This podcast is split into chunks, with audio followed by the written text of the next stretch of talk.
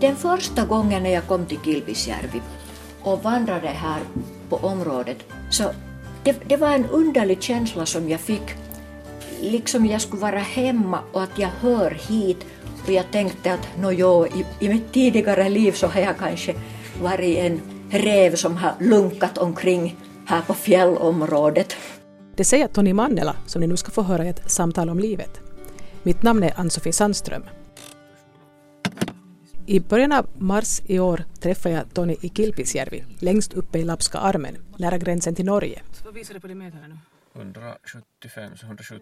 Kilpisjärvi hör till Enontekis kommun och jag hade inte kört hela vägen från Nykarleby för att träffa henne, utan jag startade på morgonen i Hetta, den största byn i Enontekis. Och därifrån var det med lappländska mått mätt inte så farligt långt, bara 170 kilometer. Jag lyckades locka maken med på en dagsutflykt eftersom det var så isande kallt den vecka vi var i hetta att han inte kunde skida så som han hade tänkt. Och eftersom jag hade fått tips om en intressant person som jobbar på Forststyrelsens Naturum i Kilpisjärvi så tänkte jag passa på att spela in ett radioprogram med henne när jag ändå råkar vara i närheten så att säga. När jag pratade med Tony i telefon så förklarade hon hur jag skulle hitta till hennes arbetsplats och hon trodde nog att vi skulle kunna prata någorlunda ostört eftersom det vanligtvis inte brukar vara någon större rusning just i början av säsongen. 9.16. Hei hei. Päivä. Hej, är det jag pratar med i telefon? Jaha, just. Hej. Toni Mannela. Kan jag sätta mina vinterkläder någonstans? Ja. Garderoben finns där bakom. Okej. Du. När vi pratade i telefon så det var några sådana här saker som jag liksom, jag kom att tänka på. Det att naturen är så nära, det det som jag tycker hemskt mycket om. Jag är alldeles tokig i fjällväxter och sen är det trevligt att följa med fågellivet och djurspåren på vintern. Att det är liksom sådana väldigt viktiga saker för mig. Och likaså stjärnhimlen, den sammetsvarta himlen med alla tindrande stjärnor och stjärnfigurer och väldigt vackra norrsken. Så det, det är någonting som jag orkar titta på oändligt. Handarbeten är jätteviktiga för mig. Jag tycker om att göra allt möjligt med, med egna händer. Och det där, jag trycker tyg och syr skinngrejer och vä- väver, väver och det. Oj, så du gör just sådana sorts skillnader? Så olika slag och, och gör handsydda nallar och allt möjligt sådant. Och sen det att jag, försöker göra så mycket saker här med egna händer som möjligt. Och en sak är då också det att, att vi får så mycket mat från naturen här. Att på det viset är det ett mycket naturnära liv som vi lever. Att kött, älgen får vi från skogen. Eh, fisk får vi från sjöarna eller älven. Svampar plockar jag gärna och plockar jag så mycket som möjligt.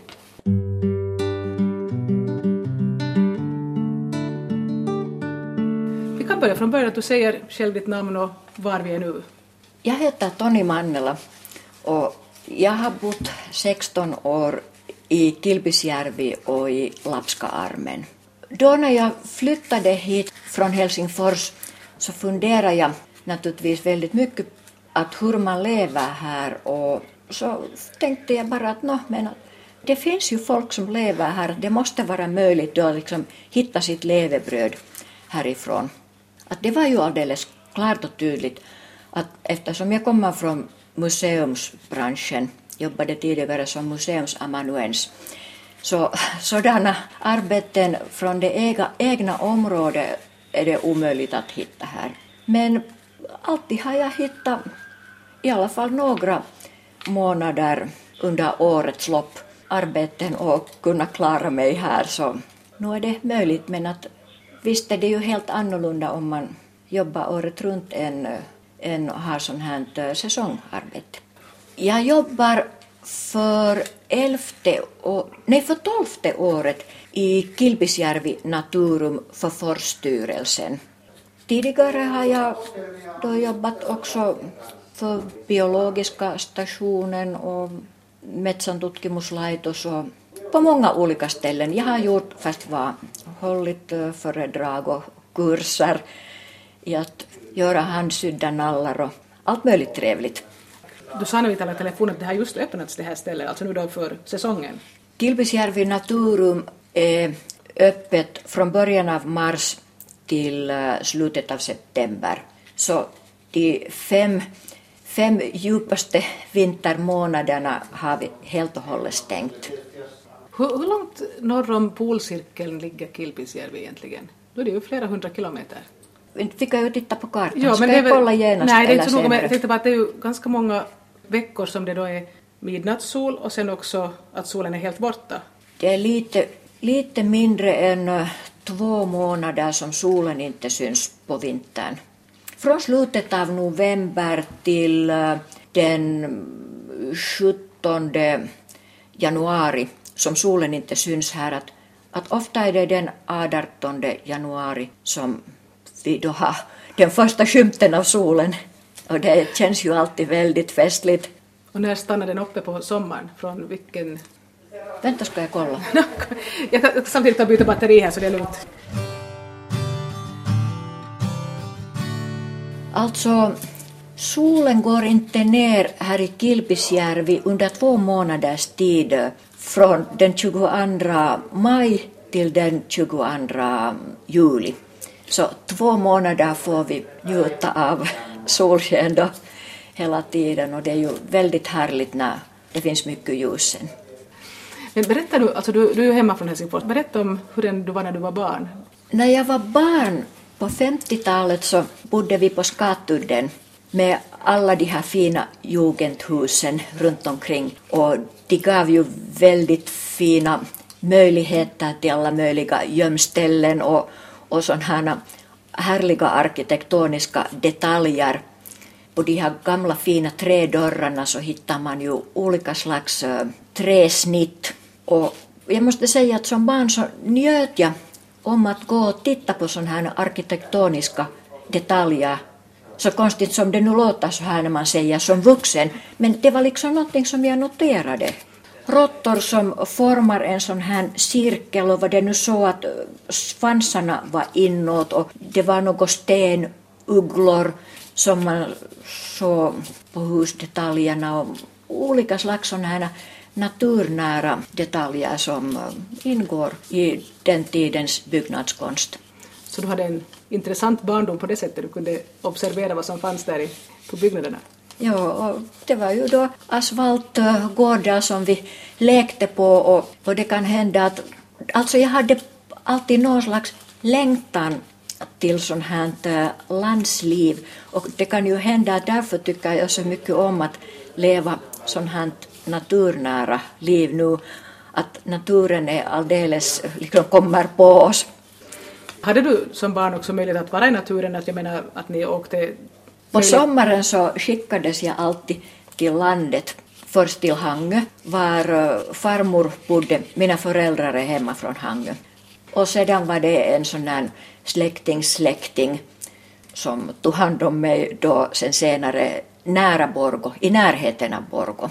Hela sommarlovet från skolan så, så tillbringade jag ju på landet. Och du trivdes där? Jag trivdes jättebra. Det var ju härligt när man fick uh, gå in till ladugården och klappa korna och, och det fanns katter och hundar och, och olika slags djur. Så det var ju väldigt roligt. Och hästar fanns det ju på den tiden också i, på, på land, landsorten. Trenden var ju det att man, det var liksom hälsosamt för barnen att bli skickade till landet på sommaren och också på sportlovet. Jag minns att du när du var liten vad du tänkte att vad du skulle göra när du blev stor, så där som man gick och drömde om att det skulle jag vilja göra. Hade du några sådana drömmar om vad, vad du skulle vilja bli?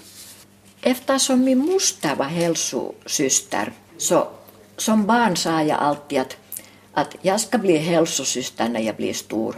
Och väldigt ofta blev jag ju skickad också till Dickursby, 18 kilometer från Helsingfors, till hälsogården var min moster jobbade och min mormor bodde där hos henne då. Det var alltså under skolåren när jag var i, i lekskolan så då var jag ju hemskt mycket där i Dickusby. Mina båda föräldrar jobbade Äh, mamma har berättat att när jag var ganska nyfödd baby så, så cyklade hon från, från skillnaden där hon jobbade. Så hon cyklade hem på mattimmen och ammade mig och så cyklade hon tillbaks till jobbet igen. Att då var det då tydligen mormor som tog hand om mig. På den tiden så återvände mammorna direkt till jobbet. Det var ingen moderskapsledighet på den tiden. Du sa när vi pratade i telefon att du har gått i skola på finska men ena föräldern var svenskspråkig och andra var? Mamma var svenskspråkig och pappa finskspråkig. Mm. På Skatudden, på Lotsgatan i vårt hus så fanns det barn som pratade både finska och svenska. Så vi lekte nog på båda språken. Och mera pratade vi, pratade vi nog svenska hemma. Att om mamma och pappa pratade sinsemellan så mamma pratade då svenska och pappa kunde svara på finska eller så pratade han också svenska. Mm. Då när min mamma och moster ännu levde så då hade jag liksom, då kunde jag ju alltid prata ens i telefonen med, med moster. Och min mamma dog lite innan jag flyttade hit. Men att prata med min moster så var ju jättebra också. Då skrev jag alltid, en, en gång i veckan skrev jag brev åt henne och, och en gång i veckan så ringde jag till henne alltid. Så det där, då kunde man liksom där uppehålla språket bättre och berätta om vardagliga saker, vad som har hänt och sådär. Nu är det ju liksom bara sådana arbetssaker som man pratar på svenska eller att man handlar på svenska sidan i butiken i Karesuando. Jag ber Tony Mannela berätta vad hon var intresserad av då på den tiden när hon gick i skolan. No, jo, gymnasiet så valde jag språklinjen, för språken har alltid intresserat mig. Och på jobbet så behöver man ju alltid många olika språk. Liksom här i Kilpisjärvi Naturum har vi ju så många besökare från alla håll och kanter av världen att uh, man får nog använda alla de språk som man kan. Vilka alla pratar du när det kommer? No, jag pratar nog med våra kunder finska, svenska, engelska, franska, tyska, lite italienska. Men det får jag fundera på jättenoga för det är så länge sedan 1970 som jag jobbade en sommar i Italien i södra Italien var det inte prata något andra språk än italienska och sen efteråt tog jag flera kurser i italienska i Helsingfors universitet. Men du frågade vad jag liksom, i skolan var jag mycket intresserad av konsthistoria och därför så sökte jag in till Helsingfors universitet för att studera konsthistoria. Så kombinerade jag sen sådana här museumämnen med konsthistorien kulturantropologi, etnologi, arkeologi. Och då har jag då jobbat största delen av mitt liv i olika museum. I Helsingfors-trakten då? I Helsingfors. Vad var det som fick dig då att flytta hit till norr? Min man läste i Helsingin Sanomat att uh, det finns ett hus att köpa här i Kilpisjärvi. Och så frågade han av mig att ska vi flytta till Kilpisjärvi?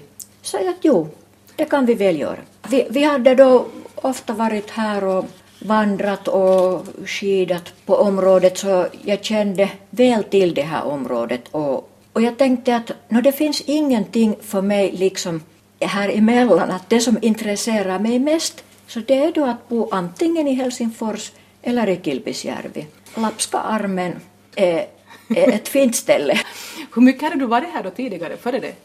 Praktiskt taget så hade vi besökt området uh, som turister varje år. Min första Lapplandsvandring var någon gång i medle av 1970-talet. Och sen dess så besökte jag nog varje år Lappland. Inte ett år utan Lappland. Oftast så tillbringade jag hela sommarledigheten, kanske två, tre veckor i Lappland då. Och sen en skidvecka på vårvintern i mars. Alltså visst har jag vandrat också runt omkring i Lappland på olika ställen, men det är någon sån här magisk krok som Kilpisjärvi har och, och som har dragit mig, fast hur många gånger hit då innan jag flyttade helt och hållet hit. Den första gången när jag kom till Kilpisjärvi så det, det var en underlig känsla som jag fick. Liksom jag skulle vara hemma och att jag hör hit och jag tänkte att no jo, i, i mitt tidigare liv så har jag kanske varit en räv som har lunkat omkring här på fjällområdet eller något sådant. Och fjällen tilltalar mig väldigt mycket och det är härligt att ha fjäll runt omkring sig. Och så skulle man ju tro att nu, nu när man lever här då i Lapska armen och Kilpisjärvi och har liksom tillgång till alla de här fantastiska vandringslederna. Men nu när man då jobbar här på området så egentligen så har man ju inte alls så många dagar på sig att vandra, att det är då bara de här veckoledigheterna som man kan gå ut och njuta av naturen. Jag gör det nog. Du sa mitten av 70-talet kom du första gången hit. Vad var det som gjorde att du valde just det här stället just då? No, det första vandringsstället så det var Saariselkä i östra Lappland. Och det här råkade nu sedan vara nummer två vandringsställe. Jag deltog i en ordnad vandring som Yrjö Metsälä, en mycket legendarisk guide på det här området, drog. Och det var då från Kilpisjärvi till Paras och Peltsa fjällen som vi vandrade. Det var en veckas vandring och vi slog upp läger någonstans mittemellan och en dag klev vi upp på Parasfjället som är över 1400 meter. Parasfjället ligger i Norge. Och andra dagen klev vi upp på Peltsa som också är över 1400 meter hög och ligger i Sverige. Och så besökte vi den tredje dagen Signaldalen och var det nu så att fjärde dagen sedan vandrade vi till Peltsastugan. Så det var olika ställen då som vi besökte i terrängen. Jag stortrivdes. När jag såg det här området så inga andra vandringsområden har tilltalat mig så mycket i Finland som Kilpisjärvi-området. Kom det sig så att din man då föreslog att ni skulle flytta hit? Kunde han flytta sin verksamhet sådär bara eller? Jo. Och så bodde vi cirka två år här och han trivdes ungefär två år men sedan, sedan trivdes han inte mera och han flyttade bort och jag ville inte flytta bort så, så då blev det skilsmässa då. Så han trodde han skulle trivas här men han trivdes inte heller? Nej. Han ville sedan flytta utomlands och flyttade utomlands också. Men så hittade jag en man som inte vill flytta bort härifrån. Han har sina rötter så djupt i lapska armen att det enda, den enda livsstilen som han vill leva mycket nära naturen. Så han är liksom född och har djupa rötter här liksom? Jo. Männen här i finska armen, de har stuckit sina rötter väldigt djupt. Och det är inte ett eller två hushåll var hustrun har kommit från södra Finland. Vi är väldigt många. Största delen nästan, skulle jag säga så. Vad händer med kvinnorna som är härifrån? Är de mera benägna att flytta än männen? Vad heter joustava? Flexibel? Jag tror att kvinnorna är mera flexibla. Att uh, när de då blir färdiga från skolan här uppe eller med sina studier så de flyttar annanstans. Det, det är kanske lättare för kvinnor att anpassa sig på olika ställen. Så här har jag funderat. Och sedan kvinnor som, från södra Finland som kommer hit, det kan hända att de kommer och jobbar under någon sån här säsong, alltså en kortare tid, och så hittar de, hittar de sin man här på området och stannar här. Och de stannar kvar, de, de flyttar inte tillbaka efter några år? Nej. Jag frågade Tony vad hon tror att de här männens starka rötter beror på. männen går ju ut och fiskar och jagar. Det är mycket viktigt för dem. Eller fångar ripor med snarar som är tillåtet då om man är bosatt här året runt. Jag hör till, vår, till vårt uh, jaktporukka. Jaktlag? Till vårt jaktlag. Jag har varit också ute och och fångat ripor med snarar med min man. Och Det var därför som jag, för att ha till, tillåtelse att uh, fånga ripor med snarar, som jag det, suorittaa metsästäjäkort, metsästäjätutkinto. Ja, du alltså fick, vad heter det, jaktkort? Jag skaffade mig jaktkort för att uh, ha tillåtelse att uh, fånga ripor med snarar. Det, det var någonting som lockade mig och intresserade mig mycket. Men du jagar inte med gevär? Jag jagar älgar med gevär. Inte finns det mycket älgar, men, men så att vi brukar ha tillåtelse till en eller två älgar och vi brukar nog få en älg. Men till exempel senaste höst så fick vi nog inte den där andra älgen.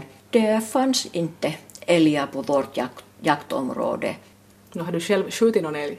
Det har jag inte gjort. Två gånger har jag varit med på älgjakt. Men inte har jag ens sett en enda älg på de här, under de här jaktturerna här. För vanligtvis så jobbar jag ju då när det är älgjakt på gång. Så det är mycket sällan som jag har då möjlighet att delta. Men visst har jag sett älgar här i Kilpisjärvi också, när de kom från den fridlysta naturparken. De kom liksom och gick över vägen alldeles nära Kilpisjärvi tull. Och järvspår syns här alldeles äh, vid kanten av byn också. Och det var till och med en besökare som berättade att uh, hade sett en järv som sprang över vägen alldeles här mitt i Kilpisjärvibyn. Vargspår har jag sett. En gång när jag for med snöskoter till, äh, till sjön Pitsus. Men du såg inte vargen? Nej. Ibland så, så kan björnarna också passera det här området. Så har jag hört att de svenska renskötarna de har skjutit björnar på svenska sidan alldeles här i närheten.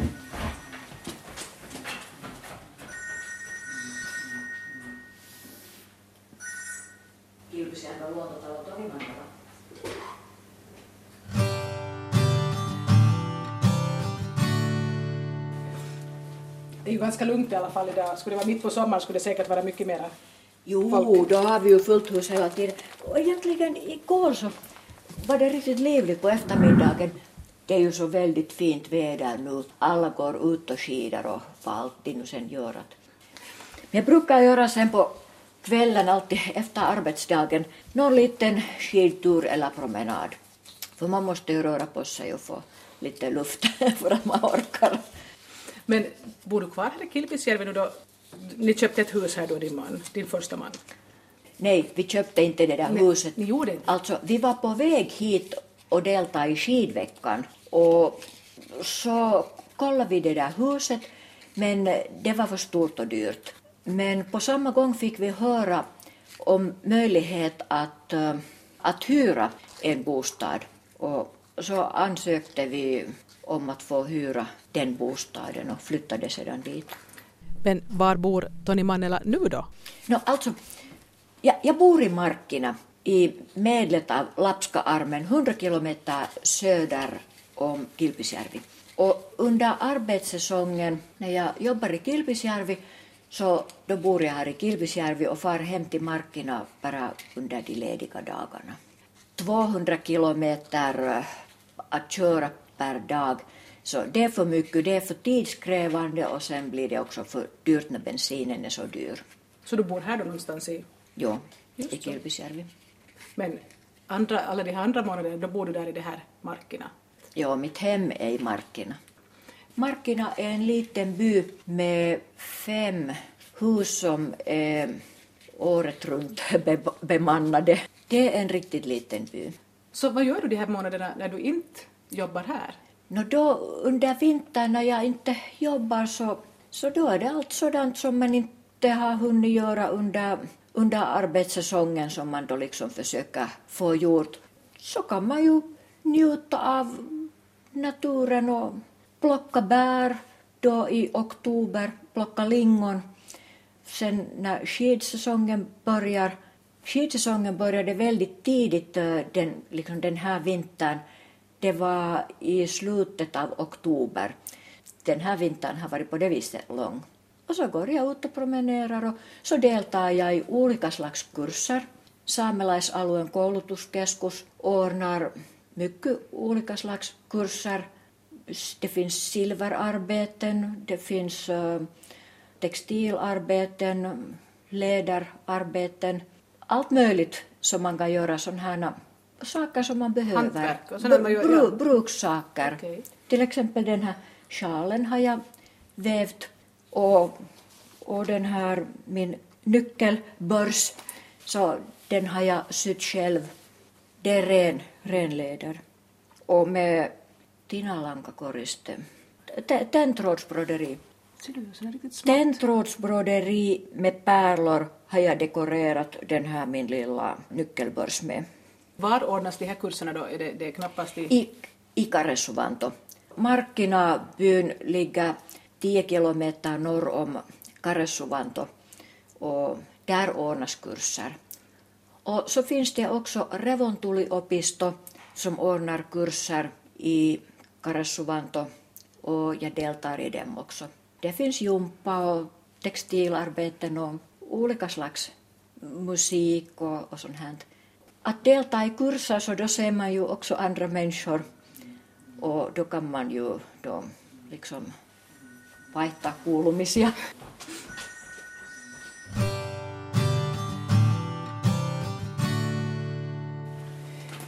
Eh, vad har du på att prata om? Vi på att prata om...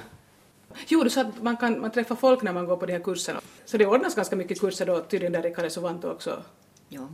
Det, det ordnas kurser alltså på olika, i olika byar här i Enontekis-kommunen faktiskt. Och det, det är ju liksom viktigt på det viset att man kan då, man, man har liksom mera socialt umgänge på det viset när man träffar folk. Nå, om du, den där byn där du bor, om det bor bara fem, det finns bara Fem fem hus. hushåll, är du god vän med någon av de här andra?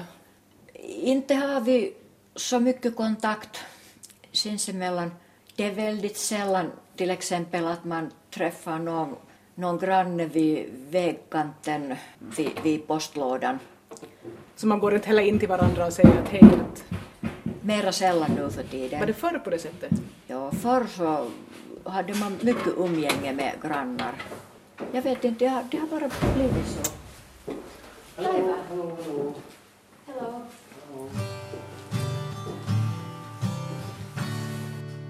Vi fortsätter så småningom att prata om det här med varför folk inte längre tittar in till varandra som tidigare. Nej, på något vis så... Människorna har så bråttom med sina egna saker och de tittar på television och de sköter sina kontakter via den sociala median och vad allt man nu gör nu för tiden. Gör du också det? Nej, det gör jag inte.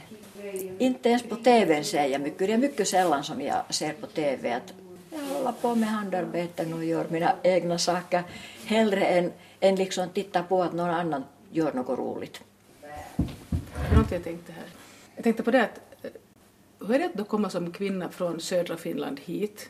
Hur är umgänge med då de lokala kvinnorna?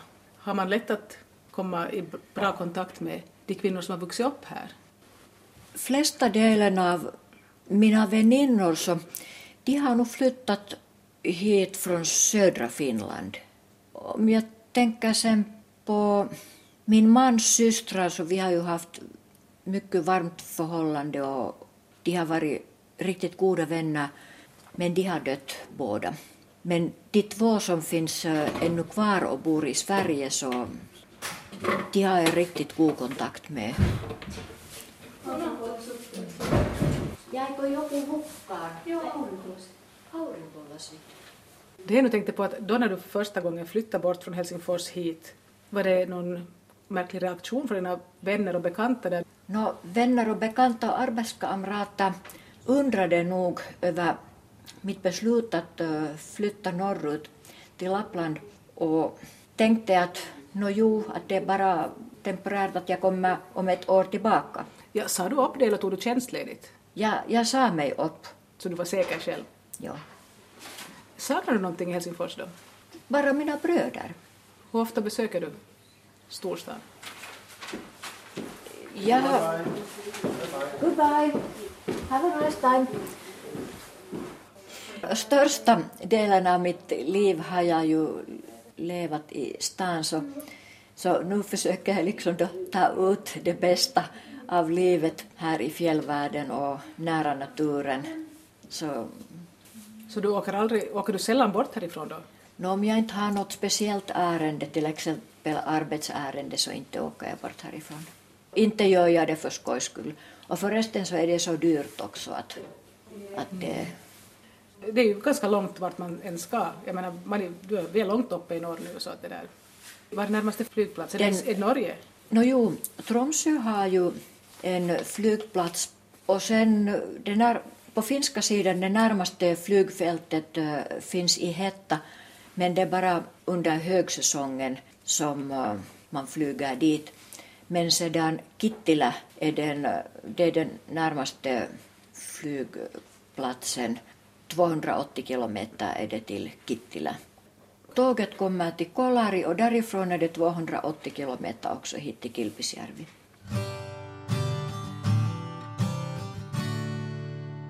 Du stänger här klockan fyra var det så. Jag stänger klockan fyra, jobbar till fem. Trivs du bra med ditt jobb? Jo, jag trivs väldigt bra med mitt jobb. Vi har mycket trevliga kunder, kunder som är på ledighet, som inte har bråttom och som är intresserade av området och vi- vill då liksom få mera ut av det här området genom att fråga, fråga oss och det där, lära sig mera om det här stället. Du sa här tidigare att du kunde tänka dig att bo bara här, antingen i Helsingfors eller här egentligen. Det är som så långt som möjligt från varandra inom landet. Det kan ju också bero på det att jag inte känner till det som ligger mellan Helsingfors och Lapska armen. Men eh, no, nå, i princip, nu har jag ju kört fast hur många gånger genom Finland. Men eh, inte har jag känt mig hemma på det viset någon annanstans än här i Lapska armen och sedan i Helsingfors var mina rötter är. Skulle någonting kunna få dig att flytta tillbaka till Helsingfors? Att flytta tillbaks till Helsingfors, så det lockar nog inte alls mig. Jag har liksom sådan känsla att jag har stuckit mina rötter väldigt djupt i den här jorden redan också. Så vilket år var det som du, du sa 16 år sedan, alltså 97? Kiitos ja hei. Kiitoksia. Hei, Mukavaa hei.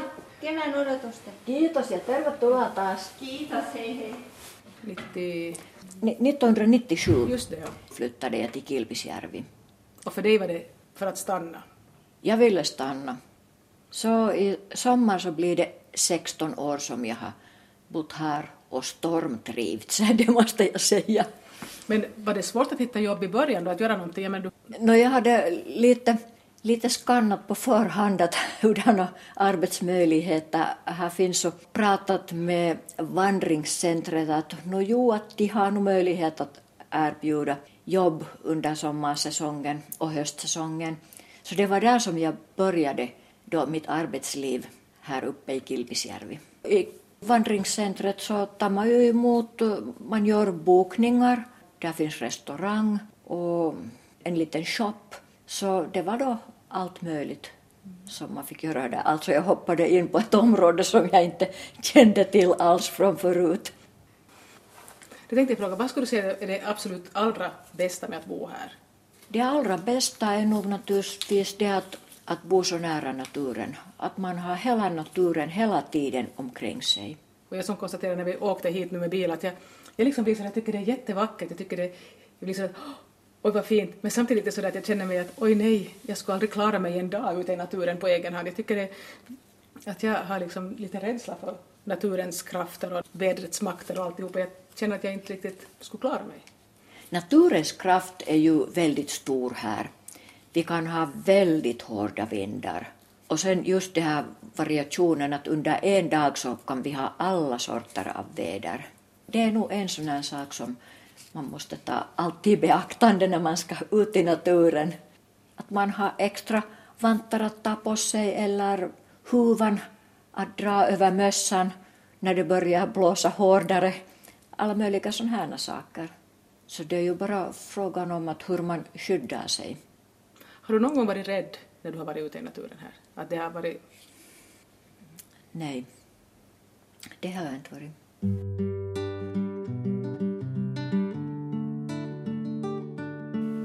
Om jag tänker, hur, tänker på mina vintrar här nu när jag bor i markerna så inte ser jag ju just andra, andra människor än min man. Och sen när arbetssäsongen börjar så sen har jag nog lite en känsla av att jag kryper ur idet. Men eh, inte saknar jag folk runt omkring mig. För under arbetssäsongen sedan så träffar jag så mycket människor och har så mycket kontakter. Och så är jag, står jag nog i nära kontakt med mina vänner på det viset att eh, jag brevväxlar och skriver e-post och, och vi ringer till varandra. Att visst har jag kontakter på det viset fast jag nu inte sedan ser så mycket folk under de här fem tysta månaderna på vintern.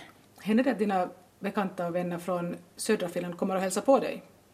Den enda gången som jag fick mina bröder hit upp till Lappland så det var när jag gifte mig och vi firade vårt bröllop på norska sidan eh, vid Lyngenfjorden och vigdes där i Storfjordkyrkan. Så då fick jag mina bröder med hustrun hit upp på besök och det var ju jätteroligt. Men eh, mina vänner har inte just kommit. Jo visst, jag har en god väninna, min före detta arbetskamrat, som jag brevväxlar med, så hon har faktiskt besökt mig två gånger. Och jag väntar ivrigt på att när hon kommer på ett tredje besök. Inte det är ju så lätt att eh, åka hit upp. Eh, man måste liksom eh, installera sig på det viset att, att det är antingen en eller två hela dagar som man reser och sen kan man då liksom sätta sig till ro på ort och ställe och göra vandringar eller skida eller vad man nu sen gör. Det här är ju ett område som man antingen gillar mycket eller sedan upplever som skrämmande och, och fjällen också så, så att en del tycker att fjällen liksom trycker på dem, att, att som inte känner sig hemma här. Ganska mycket är det antingen eller. Sommaren är ju så annorlunda här. Vi har ju väldigt stora variationer under årets lopp här. Så jag rekommenderar nog att bekanta sig också med, med det här området på sommaren. Fjällväxterna börjar blomma efter midsommaren. I början av juli så finns det mycket olika fjällväxter och då är det roligt att gå till exempel samma stig varje dag, någon sån här liten tur och kolla att vilka blommor öppnar sig och vilka vissnar. För det är liksom sån här, sån här utställning som byts hela tiden med de här växterna. Har du kunnat märka att det liksom har börjat komma den sortens människor som urbana människor som försöker hitta någon sorts inre ro och frid genom att röra sig i naturen? Att det är sorts, som någon motvikt mot det liv som folk annars lever? Därför kommer ju människorna nog hit eh, för att söka motvikt eh, till stadsvimmel. De vill njuta av ron och tystnaden här uppe. Jag måste nog säga att, att tystnaden är en sak som jag sätter väldigt stort värde på. Det är ju någonting som man inte kan uppleva i stadslivet. Att här är det ibland bara vinden som man hör eller sen uh, fåglarna. Inte det just andra djur som man hör men, men uh, fåglarna. Nu är klockan över fyra redan. Det ja, där... Jag ska stänga ytterdörren.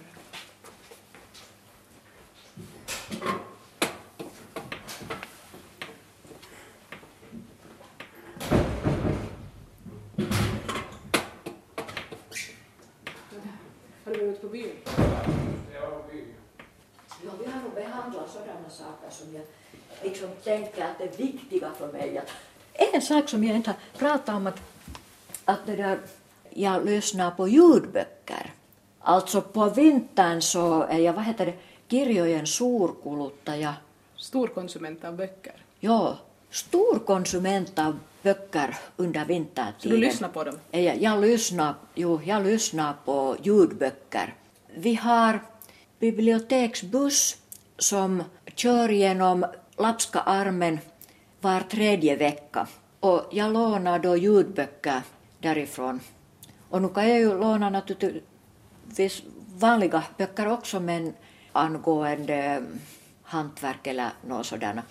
Men romaner så lyssnar jag på då speciellt mycket under vintertiden när jag har tid. Och den stannar faktiskt, den har vår bokbuss i alla små byarna också. Det är fantastisk service. Någonting vi ännu har glömt att ta upp. Det blev lite rörigt här i början, men det, det redde jag upp sen, det är lugnt. Nej, inte har jag nu något sånt. Sen efteråt så förstår jag naturligtvis att det var någon stor grej som vi inte pratade om alls. så hände det naturligtvis, men Skulle du säga att du är en lycklig människa? jag är en lycklig människa. Det är jag. Ja. Jag känner mig väldigt lycklig här i Lappland. Jag har en så väldigt kär man också, äkta man. Det var på arbetsplatsen som jag lärde känna honom. Men sedan senare, senare så hade vi då första träffet. Så du kom hit med din första man och stannade med din andra man. Ja. Varför gifte ni er i Norge? Vad sa du? Va, ni gifte er i Norge sa du, varför det? ja. Vi funderade att vad skulle vara ett trevligt ställe. Och den här Storfjordkyrkan vid Lyngenfjorden, det är en riktigt trevlig liten kyrka som är byggd efter andra världskriget och altartavlan är e målad av Eero Nelimarkka. Och den har trevlig intim stämning och, och så beslöt vi oss att gifta oss där. Och jag tycker att det var ganska skojigt. Det var riktigt så, sån här traditionell Nordkalott-mening att människorna kom från Finland och Sverige och platsen var i Norge och prästen han är tysk och han vigde oss på norska och engelska. Vilket år var det här? Det var kanske... Jag måste kolla. Det står i Jag ringen. minns inte. Det står i ringen. Vi, vi minns aldrig vilket det där året var. 31 i 12. Är det 6? 2006. Ja, nyårsafton 2006 gifte vi oss och fick så väldigt eh, fint fyrverkeri, för det var ju nyårsafton. Det var fyrverkeri från olika håll och kanter av fjorden. Så då gick vi klockan 12 ut och skålade då där och njöt av det fina fyrverkeriet. Du har hört ett samtal om livet med Tony Mannela från Helsingfors som flyttade till Lapska armen för 16 år sedan. Mitt namn är Ann-Sofie Sandström.